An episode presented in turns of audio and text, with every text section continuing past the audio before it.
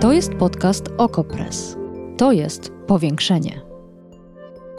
Patrzymy władzy na ręce, każdej władzy. Obserwujemy politykę i życie społeczne.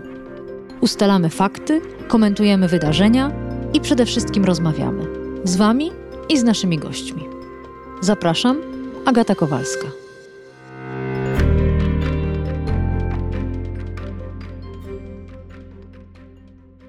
Rosja przegrywa wojnę, którą rozpętała w Ukrainie, a do Eurowizji nawet jej nie dopuszczono. A Ukraina wygrywa i wojnę, i Eurowizję. Ale ofiar przybywa. Są nimi m.in. obrońcy Mariupola, których z zakładów Azovstal wywiozły rosyjskie autobusy. O losie tych żołnierzy dzisiaj w powiększeniu. Zapraszam.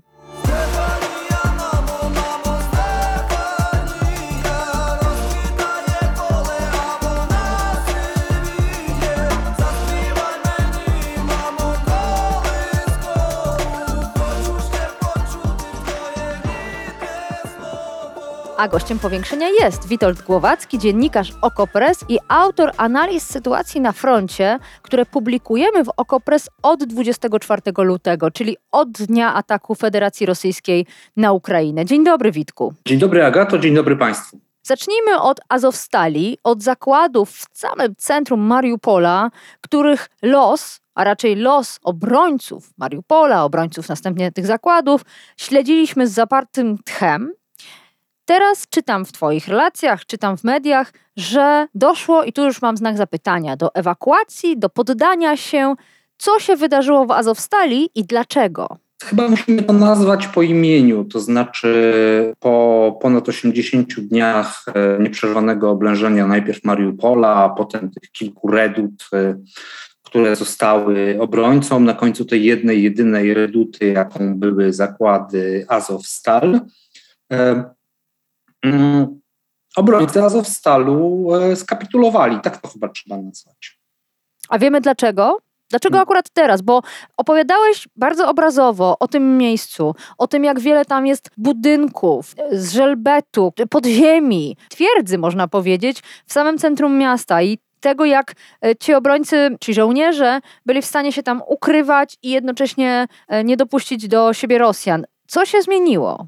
Mm, ja mogę odpowiedzieć liczbą. Liczba 63. 63 dni walczącej Warszawy. Mm, tyle trwało powstanie warszawskie, mm, pod koniec którego teoretycznie powstańcy ciągle mieli znaczną liczbę żołnierzy zdolnych do walki, mieli pewne zapasy amunicji, nawet tej żywności może jeszcze by na chwilę starczyło, ale po pierwsze, było jasne, że e, te zapasy e, i zasoby są na wyczerpaniu, a po drugie było jasne, e, że dalsza walka mm, tak naprawdę nie ma sensu w znaczeniu zarówno militarnym, jak i politycznym. To znaczy, że Warszawy nie, nie da się obronić wolnej od Niemców mm, w nieskończoność że nie nastąpi to, na co liczyły początkowo e, mm, władze wojskowe i cywilne powstania, że e, Sowieci przyjdą z pomocą za drugiego brzegu Wisły, gdzie byli już niedaleko. I trochę w obliczu takich okoliczności i takich faktów została podjęta decyzja o kapitulacji powstania warszawskiego. To, że obrońcy Azowstali po tych osiemdziesięciu kilku dniach e, mm, w oblężeniu e, podjęli taką decyzję, jest absolutnie ich prawem i mm, czymś, co trudno, nie wiem, oceniać czy poddawać jakimś kalkulacjom. Z całą pewnością e, ich życie od połowy, powiedzmy, tego oblężenia stało się już takim kompletnym horrorem i walką o przetrwanie w tych podziemiach. No a jednocześnie też nie zmieniała się jakby sytuacja na tych odcinkach frontu, które są bliżej, najbliżej Mariupola, mm -hmm. a mhm. zarazem tak strasznie mm -hmm. daleko, czyli mm -hmm. około 100 kilometrów od tego mhm. miasta. To znaczy nie było widać szansy, że nie wiem, za tydzień, za dwa tygodnie, mhm. za miesiąc może będzie szansa, że się do nas przebiją chłopcy tam z Donbasu czy z Zaporoża, tak? To, że oni się poczuli e, jak w potrzasku, bo byli w potrzasku, e, też nazwijmy rzeczy po imieniu, oni byli w pułapce i to takiej śmiertelnej, e, jest rzeczą całkowicie zrozumiałą i jakby pozostaje złożyć hołd bohater, bohaterskim obrońcom, którzy wytrzymali aż tyle. Tak. Zaraz jeszcze porozmawiamy o losie tych osób, które opuściły zakłady Azowstal w Mariupolu, ale pojawiały się takie informacje, że obrońcy z Azowstali oskarżali ukraiński rząd czy ukraińskie władze wojskowe o to, że niedostatecznie pomagają, albo że wręcz nakłaniają ich do poddania się. Czy to jest w ogóle prawda? A jeśli tak, to jaka miała być tu wina ukraińskiej armii czy ukraińskiego rządu? Tak, było kilka takich przypadków. Pierwsi byli z e, podobnym mm, komunikatem żołnierze Brygady Piechoty Morskiej, e, którzy się bronili jeszcze w zakładach Azowmasz. Potem kilka razy tego typu e, komunikaty słyszeliśmy ze strony dowódców pułku Azow to chyba trudno się dziwić, e, że w tych dowódcach, e, jednak umówmy się, średniego szczebla, bo tam najwyżsi rangą e, dowódcy, którzy się w ogóle na terenie Mariupola znajdowali, to byli to właśnie dowódca brygady, dowódca pułku, potem zastępca dowódcy pułku. To nie są generałowie ani politycy, to są właśnie średnio wyższego szczebla dowódcy wojskowi, którzy w tych warunkach podlegali też pewnym procesom psychologicznym, w które nie wnikajmy, bo nie jesteśmy psychologami, ale mm, po kilkudziesięciu dniach w takich warunkach, w jakich oni się znajdowali, wydaje mi się, że przejawy frustracji są też czymś, co jest e, jak najbardziej zrozumiałe. Ale ja, ja tego nie podważam. Ja tylko się zastanawiam, czego oczekiwali. Czy na przykład tego przebicia się do Mariupola, ratunku, no właśnie, być, ostrzału? Być może, być może tak, być może nie mając e, jakby całości obrazu i być może nie dowierzając e, temu, co słyszeli z, od dowódców wyższego szczebla i od ukraińskich polityków, myśleli, że to by było prostsze do przeprowadzenia, że może jest bliżej, że może istnieją szanse na to, żeby jakimś jednym gwałtownym rajdem przebić się do tego Mariupola, choćby po to, żeby go ewakuować nie wiem, co e, oni sobie myśleli. Mm -hmm, e, warto też przy tym pamiętać, że gdzieś w tle tego wszystkiego jednak jest też trochę polityki, no bo pułk Azow ma określone konotacje polityczne i myślę, że krytyka e, rządzących Ukrainą też jest e, czymś, co się jakby w to wpisuje. To teraz przyjrzyjmy się temu, co się wydarzyło dalej, ponieważ pierwsze informacje były całkiem optymistyczne, zważywszy na warunki. Ewakuacja Azowstali, opuszczenie tego terenu, przyjechały autobusy. Myśleliśmy, okej, okay, obrońcy Mariupola są bezpieczni, ale potem się okazało, że te autobusy są rosyjskie, że odjechały, pierwsze wieści były takie, w nieznanym kierunku. Co wiemy na ten moment? Środa, popołudnie. Co wiemy o żołnierzach z Azowstali? Ja myślę, że tutaj trochę przesadziły i trochę okazały takiego myślenia życzeniowe jednak władze Ukrainy. To znaczy, nazywanie tego ewakuacją było bardzo mocno na wyrost e, już na tamtym etapie, dlatego że jedynie toczyły się te rozmowy o wymianie jeńców, takie za pośrednictwem Turcji, takie nie do końca nawet formalne, bo przecież negocjacje między w ogóle pokojowe między Rosją a Ukrainą są chwilowo wstrzymane. Więc e, na etapie, w którym obrońcy Mariupola zdecydowali się najpierw tej dwustu kilkudziesięcioosobowej części wyjść na powierzchnię i złożyć broń, a na tym etapie nie można było mówić, że to jest ewakuacja i że istnieje uzgodniona procedura właśnie wymiany jeńców, że 211 zostanie wymienionych, a 50 pójdzie do szpitala. Po prostu władze Ukrainy komunikowały to tak, jakby to było uzgodnione, a tymczasem w najlepszym razie toczyły się na ten temat, podejrzewam, bardzo trudne rozmowy z Rosjanami. No ale co się wydarzyło? Bo autobusy podjechały, mieliśmy zdjęcia, chyba że i zdjęcia były oszukane. Gdzie są w tym momencie ci żołnierze? No, ci żołnierze są niestety w e, paskudnym miejscu. Są w byłej e, kolonii karnej w e, Ołeniwce pod Donieckiem na terytorium kompletnie kontrolowanym przez separatystów i Rosjan, jeszcze przed wybuchem wojny, to było terytorium tej Donieckiej Republiki, cudzysłów, ludowej. I tam znajduje się taki obóz, e, który nawet nie jest obozem jenieckim, tylko jest obozem dla tej części ludności podbitych terenów, czyli zwłaszcza Mariupola i okolic, powiedzmy, Wołnowachy, tych kawałków Donbasu, które im się udało podbić. dla tych osób, które nie przeszły tak zwanej filtracji, jaką prowadzą Rosjanie. Czyli zostały uznane za osoby podejrzane, Niepewne ideologicznie. armii. Mm -hmm, tak. Mm -hmm. I na temat tego, co się w tym obozie dzieje, no krążą ponure legendy. Użyję taki, takiego słowa, bo tak nie, nie ma tam nie powstał jeszcze żaden raport Karskiego, ani nie przedarł się tam żaden Witold Pilecki, ani nic na ten temat e, przynajmniej nie wiemy. Więc z tych takich e, przecieków, przesłuchów, e, pogłosek na temat tego obozu, no jest to miejsce dość straszne, gdzie ci ludzie są poddawani zarówno torturom, jak i jakiemuś praniu mózgu, mm, przetrzymywani są w bardzo e, kiepskich i marnych warunkach. Tu mówię o tych e, osobach, które tam do tej pory trafiały. W jakich warunkach e, przetrzymywani są tam i będą obrońcy Mariupola, nie mam pojęcia, ale już wczoraj pojawiły się mm, komunikaty ze strony rosyjskiej, że każdy z nich zostanie tam przesłuchany przez e, specjalną komisję śledczą, na okoliczność czego trzeba by nie jest członkiem zbrodniczej, terrorystycznej organizacji, jaką jest Pułk Azow. Bo niestety również w tej rosyjskiej, nazwijmy to, przestrzeni publicznej, czy też może wśród przedstawicieli rosyjskiego systemu władzy, od y, mniej więcej dwóch dni słyszymy bardzo wiele na temat tego, że e, Pułkazow trzeba uznać za organizację zbrodniarzy i organizację terrorystów. I że e, w tej sprawie będzie zresztą orzekał 26 maja tak zwany Sąd Najwyższy Rosji. Mówię tak zwany, no bo wiemy chyba, że jego e, wyrok czy też orzeczenie będzie po prostu prezentacją woli politycznej Kremla. Ale wszystko, co opowiadasz, jest absolutnie tragiczne i potworne tym bardziej mnie dziwi ta pozytywna postawa władz ukraińskich, które, tak jak mówiłeś na początku, y, komunikowały to tak, jakby obrońcy Azowstali byli uwalniani, jakby właśnie ocalili swoje życia. A tu się okazuje, że grożą im tortury i prawdopodobnie kara śmierci wydana przez e, zbrodniczy reżim, czyli przez Federację Rosyjską. Czy nic tak, się z tym... przynajmniej dla e, żołnierzom pułku Azow. Tak. E, tak. Oni są w e, śmiertelnym niebezpieczeństwie w tej chwili. I z tym się nic nie da zrobić? Nie, nie, nie, bardzo wiem, co można by było z tym zrobić. To znaczy, można oczywiście nagłaśniać, protestować, wskazywać, jakie zamiary ma wobec tych żołnierzy Rosja.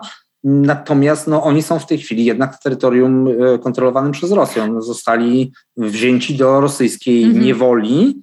I co więcej, jakby rosyjska władza na poziomie tam między innymi przewodniczącego Dumy, prokuratora generalnego, w tej chwili stara się stworzyć taki stan, cudzysłów prawny, bo znowuż mówimy o e, autorytarnym, faszyzującym reżimie, jakim jest e, Rosja Putina, taki stan prawny, w którym e, żołnierzom pułku Azow będzie można odmówić tak zwanych uprawnień kombatanckich, czyli nie tak. uważać ich za żołnierzy, którym należy się miejsce w obozie jenieckim, tak. odpowiednie traktowanie i odpowiednie zasady tego traktowania, tylko właśnie za jakichś e, pojmanych bandytów. Tak.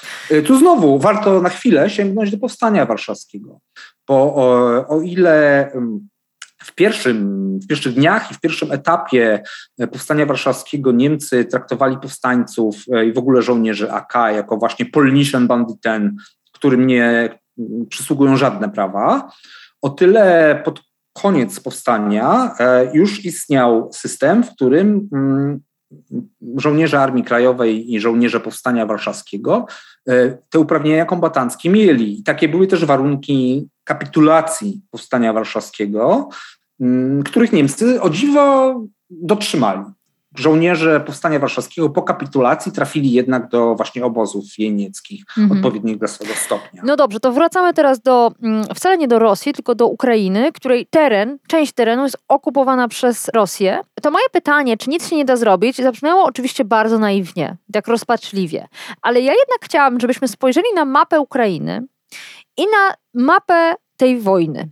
Bo mam wrażenie, że gdyby zarysować plany Rosjan z 24 lutego i zaznaczyć jakimś kolorem, następnie zaznaczyć plany Rosjan po miesiącu i teraz z maja, to te kolory by się stopniowo redukowały i skrupiały w małych punktach na mapie. Więc to moje pytanie, czy nic się nie da zrobić, jest zarazem pytaniem o to, czy da się odzyskać Ukrainę dla Ukrainy i czy wygląda na to, że Rosjanie tracą nie tylko z horyzontu swój cel wielki. Przypomnę Państwu, to brzmi jak absurd, ale pierwotnie planowali wymienić rząd w Kijowie. Ale czy możliwe jest to, że odzyska się okupowane od dawna tereny i zarazem uwolni żołnierzy z tej kolonii karnej, o której cały czas e, rozmawiamy. Tak, zacznijmy od tego, co powiedziałeś na początku. Tak, oczywiście, że tak. Takie mapy zresztą powstają. E, oczywiście, że e, Rosjanie cały czas ograniczają stawiane przed samymi sobą cele tej wojny. Początkowo zamierzali zająć najprawdopodobniej całą wschodnią Ukrainę aż do Dniepru i zamierzali zająć praktycznie całe wybrzeże ukraińskie Morza Czarnego z Mikołajowem, Odessą i pewnie też Besarabią, tworząc jednocześnie e, połączenie lądowe do e, słynnego Naddniestrza przy okazji i prawdopodobnie wyciągnęliby jeszcze ręce po Mołdawie. Taki był ten plan A. E, plan B zaczął się mm, mm, po podkuleniu ogona pod Kijowem i na północy i po tym jak e, Ukraińcy bardzo skutecznie zatrzymali Rosjan najpierw pod Mikołajowem, potem ich trochę odepnęli, było już jasne, że tą drogą lądową nie dojdą do Odessy. E, wtedy zaczęła się ta opowieść o bitwie o Donbas ze strony rosyjskiej i o tym, że właśnie celem będzie podbicie resztek do, ukraińskich pozostałości Donbasu. Dzisiaj te cele są jeszcze mniejsze. Myślę, że oni już nie marzą wcale o zajęciu e, całego obwodu donieckiego. To, co w tej chwili próbują osiągnąć, to jest e, zdobycie naprawdę resztek e, obwodu ługańskiego pozostających pod kontrolą Ukrainy. To jest skrawek tego obwodu to jest naście procent jego całej powierzchni i to tak naprawdę są okolice dwóch takich bliźniaczych miast, Siewierodoniecka i Lisiczańska, które leżą po dwóch e, stronach Dońca i tak naprawdę to jest ten chyba ostatni cel, który oni zamierzają zrealizować jednocześnie wycofują się e, i są wypychani e, relatywnie łatwo przez Ukraińców z okolic Charkowa. Więc tak, ta mapa cały czas się kurczy, cały czas znikają z niej kolejne cele tej operacji i kolejne całe regiony Ukrainy, które Rosjanie usiłowali podbić. Czy będzie możliwe wypchnięcie Rosjan z tych terenów, które zajęli od 24 lutego? Myślę, że w jakimś stopniu tak. Myślę, że e, w tej chwili mamy taką fazę wojny, którą można nazwać chyba takim powolnym wyczerpywaniem się tego rosyjskiego potencjału ofensywnego, bo przecież od miesiąca właśnie e, trwa, mm, od 18 kwietnia trwa wielka rosyjska ofensywa, która właśnie powoli wygasa, bo już też Rosjanom brakuje e, sił i środków na tych mm, poszczególnych odcinkach i impet ich natarć, który zresztą też niewiele przyniósł przez cały ten ostatni miesiąc, też e, powoli wygasa. Na tym etapie Ukraińcy szykują się powoli do myślenia o dużych operacjach kontrofensywnych, właśnie takich, którym celem miało być wyparcie ich przynajmniej z części tych ziem, które zdołali zagrabić, zająć mm, i okupować. Jak oceniasz ten plan ukraiński? Ja, ja, bardzo lubię z Tobą rozmawiać, bo Ty zawsze, nawet rozmawiając o czymś tak ponurym jak wojna, jak przemoc, znajdujesz jakieś takie światełko w tunelu, optymistyczny ton.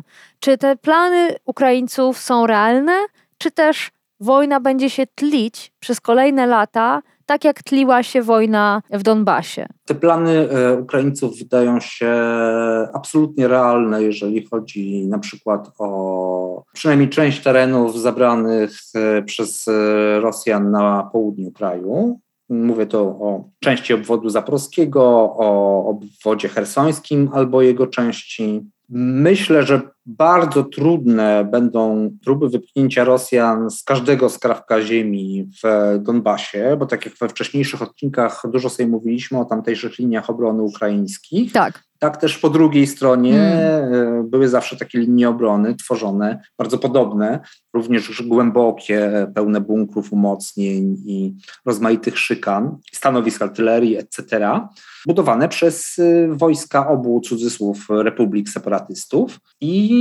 Rosjan. Więc tam walki byłyby zapewne bardzo, bardzo ciężkie ale już e, ten, taka północna część e, obwodu gańskiego i wschód obwodu charkowskiego, to też są tereny, które wydają się realnie do odzyskania i właściwie Ukraińcy trochę już rozpoczęli próby ich odzyskiwania. bo kilka dni temu przeprawili się skutecznie przez Doniec w zupełnie innym miejscu niż to te, o których rozmawiamy w kontekście Donbasu, e, tam na północy, pod, e, w rejonie powiedzmy Czchujewa, Starego Saltiwa, tam się przeprawili przez Doniec i próbują odzyskiwać te tereny mm, wschodniej części obwodu charkowskiego, jednocześnie zagrażając temu wielkiemu rosyjskiemu zgrupowaniu pod e, Iziumem. A propos Dońca, o Dońcu długo rozmawialiśmy w poprzednich odcinkach. Opowiadałeś, jak Rosjanie próbowali go pokonać tracili tam kolejne mosty. W końcu zaczęli usypywać wręcz brody z, y, sam mówiłeś, ze złomu, z tego, co tam udało im się nawieść. A później czytałam w jednej z Twoich analiz, że Rosjanie przekroczyli tę rzekę, udało im się, a następnie się wycofali. Co tam się wydarzyło? Tak, to teraz mówimy o trochę innym odcinku Dońca. Mówimy o odcinku Dońca właśnie w tym obwodzie ługańskim, który Rosjanie teraz bardzo usilnie próbują e, do reszty opanować. Mówimy o okolicy Lisiczańska i Sewierodoniecka i tam e, Rosjanom w zeszłym tygodniu udało się w kilku miejscach zbudować mosty pontonowe i rzeczywiście przeprawić część wojska na południową stronę Dońca, co było strasznie niebezpieczne dla ukraińskich obrońców, ponieważ groziło po prostu okrążeniem tych dwóch miast, tym samym jakby realizacją tego rosyjskiego celu zdobycia reszty obwodu ługańskiego. I tam rozegrała się słynna już bitwa wokół miejscowości Biłochorywka, która polegała przede wszystkim na tym, że w pierwszej kolejności Ukraińcy im te mosty zniszczyli bardzo celnymi ostrzałami artyleryjskimi, także z użyciem lotnictwa, z użyciem dronów, bardzo precyzyjnie i zniszczyli przy tych mostach znaczną ilość e, sprzętu wojskowego. Tam wyliczano, że to starczyłoby na dla półtora e, batalionu. Ten 73 pojazdy wokół jednego z tych mostów naliczono zniszczone rosyjskie. E, po zniszczeniu tych mostów trzeba było jeszcze zlikwidować tak zwany pszczółek e, na południowej stronie rzeki, czyli te rosyjskie oddziały, które zdołały się przeprawić i zaczęły tam zajmować takie pozycje obronne, które potem miałyby pomóc e, przeprawiać się kolejnym oddziałom. I rzeczywiście rozegrała się tam spora bitwa i właściwie mm, ona się w jakimś sensie rozgrywa do dzisiaj ponieważ Rosjanie ciągle próbują a to przepraw, a to jakichś wysadzenia na drugiej stronie Dońca, jakichś relatywnie niewielkich oddziałów, które mają tam siać zamęt. Być może na przykład w chwili, w której rozmawiamy, bo też trzeba pamiętać, że takie informacje do nas spływają e, ze sporym opóźnieniem, czasem takim 24-godzinnym, i z tym trzeba się po prostu pogodzić. Być może na przykład właśnie w tej chwili próbują przeprawy przez Doniec w tamtym rejonie, a może nawet ona się im na chwilę udała i właśnie mają taki sprawny most i przejechało po nim już 20 czołgów. I tak w tej chwili tam wygląda sytuacja. Zarazem jednak można powiedzieć, że do dzisiaj sytuacja ta jest tyle e, stabilna, że jakby Ukraińcom się udaje tą linię Dońca utrzymywać. To znaczy te przeprawy nie są trwałe i Rosjanie nie mają tam jak rozwinąć dalszego ataku w celu okrążenia tych dwóch miast. To teraz opuszczamy na chwilę Ukrainę. Rozmawiamy, tak jak mówiłam, w środowe popołudnie, a kilka godzin wcześniej Finlandia i Szwecja złożyły oficjalnie na ręce sekretarza generalnego NATO wnioski o członkostwo. Wszyscy piszą oczywiście o historycznej chwili. Chciałabym, żebyśmy poświęcili część tej rozmowy. Najpierw przypomnijmy, dlaczego Szwecja i Finlandia do tej pory nie należały do Sojuszu Północnoatlantyckiego. To znaczy z dwóch różnych powodów, bo Szwecja trzymała się swojej doktryny neutralności, która obowiązywała jeszcze podczas I wojny światowej, potem podczas II i w zasadzie do dzisiaj Szwecja po prostu była krajem programowo neutralnym. Z Finlandią było trochę inaczej, ponieważ neutralność Finlandii była po prostu wymuszona. Była wymuszona skutkami II wojny światowej i tej jej fińskiej odsłony. Bo jak w telegraficznym skrócie wiemy, najpierw zimą 1939 roku Rosjanie zaatakowali Finlandię z e, nienacka i zaskoczenia z zamiarem jej po prostu podpicia. Finowie w słynnej wojnie zimowej obronili się przed nimi w sposób taki no, koncertowy i doskonały, powstrzymując tę rosyjską armię i nie tracąc praktycznie nic tam poza właśnie skrawkiem terenu wzdłuż granicy. No ale potem w roku 1944 była druga wojna fińska, która się już zakończyła rosyjskim zwycięstwem i i Finlandia musiała wtedy przyjąć narzucone jej przez Związek Sowiecki warunki, w tym wyrzeczenie się części polityki e, zagranicznej prowadzonej samodzielnie, w tym właśnie tę doktrynę neutralności, w tym różne ograniczenia dotyczące rozmiarów armii. No tak, ale Związek Radziecki upadł, a te zobowiązania pozostały, czy też Finlandia traktowała je jako pewną tradycję, nie spiesząc się do przyłączenia do Sojuszu Północnoatlantyckiego? One dość długo de facto pozostawały, ponieważ Finowie, no do dzisiaj obawiają się tego, że w Rosji może powrócić pomysł agresji na ten kraj.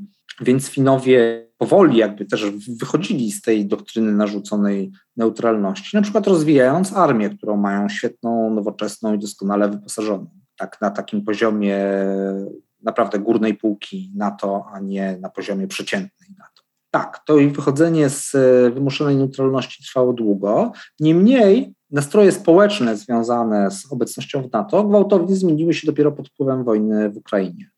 I to jest skok e, w sondażach e, no bezprecedensowy, bo przed wybuchem wojny w Ukrainie około 30% obywateli Finlandii opowiadało się za wstąpieniem do NATO.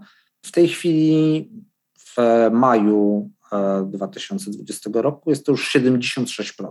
Mówiłeś wiele o fińskim przygotowaniu na ewentualny atak ze strony Federacji Rosyjskiej, o znakomitej armii, ich przygotowaniu. Czy to znaczy, że to jest ważny zasób, który zyskuje NATO, a zarazem my jako Polska? Tak, tak, oczywiście. E, obecność zarówno Finlandii, jak i Szwecji wzmocni NATO i osłabia przy, przy okazji Rosję. Dla Rosji to jest e, ponad tysiąc kilometrów nowej granicy lądowej z NATO. Pamiętajmy, że do tej pory tej granicy było bardzo niewiele. Granica z Estonią, tak, granica z Polską i Litwą, jeżeli chodzi o okręg kaliningradzki, na Morzu Czarnym z Turcją i to w zasadzie koniec e, takich bezpośrednich spotkań Rosji z NATO.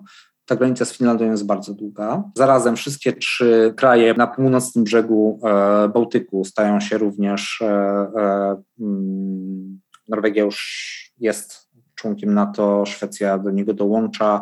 Finlandia też do niego dołącza. E, można powiedzieć, że Bałtyk staje się też powoli jakby morzem śródlądowym NATO. To Rosja, rozumiem, swoim atakiem na Ukrainę sprawiła, że Sojusz Północnoatlantycki się powiększył. Można wręcz słać podziękowania do, mm, do Moskwy z naszej strony. To już zupełnie na koniec. Kiedy pojawiły się pierwsze informacje, że Finlandia rozważa, później głosuje w parlamencie wstąpienie do NATO, to Kreml wysyłał takie pogróżki propagandowe, że to się skończy odwetem, a potem się z tego wycofał. Czy rozumiesz jakoś tę sytuację? Tak, no tyle rozumiem, że widzimy w Ukrainie, jak e, w gruncie rzeczy słaba jest ta rosyjska armia. Jak e, dużo poniżej wszelkich e, prognoz, szacunków i oczekiwań wyglądają jej realne zdolności bojowe. I w ogóle też zdolności mobilizacyjne. Bo znowuż prawda jest taka, że Rosja zaangażowała przeciwko Ukrainie w zasadzie wszystkie możliwe środki, których może użyć mm, na zewnątrz swojego państwa, jakby w takiej wojnie agresywnej nie miałaby nawet jak w tej chwili zaatakować e, Finlandię, angażując właśnie mm. wszystkie te środki mm. mm. przeciwko Ukrainie. Finlandia ma z kolei taką specyficzną doktrynę mm, tak zwanej obrony totalnej. I tam bardzo duża część społeczeństwa jest e, jednocześnie wojskowymi rezerwistami czy członkami różnych organizacji mm, o charakterze obrony cywilnej. Mm, więc atak na ten kraj też wymagałby zgromadzenia bardzo mm, dużych środków i sił, żeby miało to jakiekolwiek szanse powodzenia, bo w przeciwnym wypadku może, mogłaby to być powtórka z tej wojny zimowej z przełomu 39 i 40 roku. Coś czuję, że osobny odcinek poświęcimy przygotowaniu nie tyle armii fińskiej, ale fińskiego społeczeństwa do ewentualnego konfliktu zbrojnego z Federacją Rosyjską, bo to, o czym też sama już czytałam w internecie, o ich przygotowaniu, o ich przepisach dotyczących obronności, ale też ochrony cywili, to jest wszystko fascynujące i myślę, że wiele możemy się z tego e, nauczyć, ale to już następnym razem. Witold Głowacki, dziennikarz Okopres, autor naszych analiz dotyczących sytuacji na froncie w Ukrainie. Bardzo Ci dziękuję za to spotkanie. Dziękuję bardzo, Agato, dziękuję Państwu.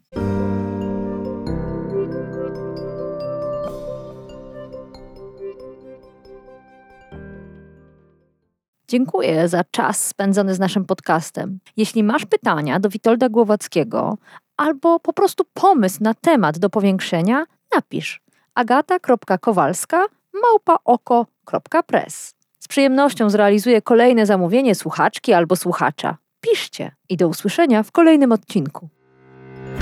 Powiększenie. Podcast Okopres. Prowadzenie Agata Kowalska. Podcast znajdziesz na stronie Okopres i w Twojej ulubionej aplikacji do podcastów. Redakcja Okopres działa od 2016 roku. Jesteśmy obywatelskim narzędziem kontroli władzy, obecnej i każdej następnej. Okopres utrzymuje się z Waszych darowizn. Wesprzyj nas, byśmy mogli działać dalej.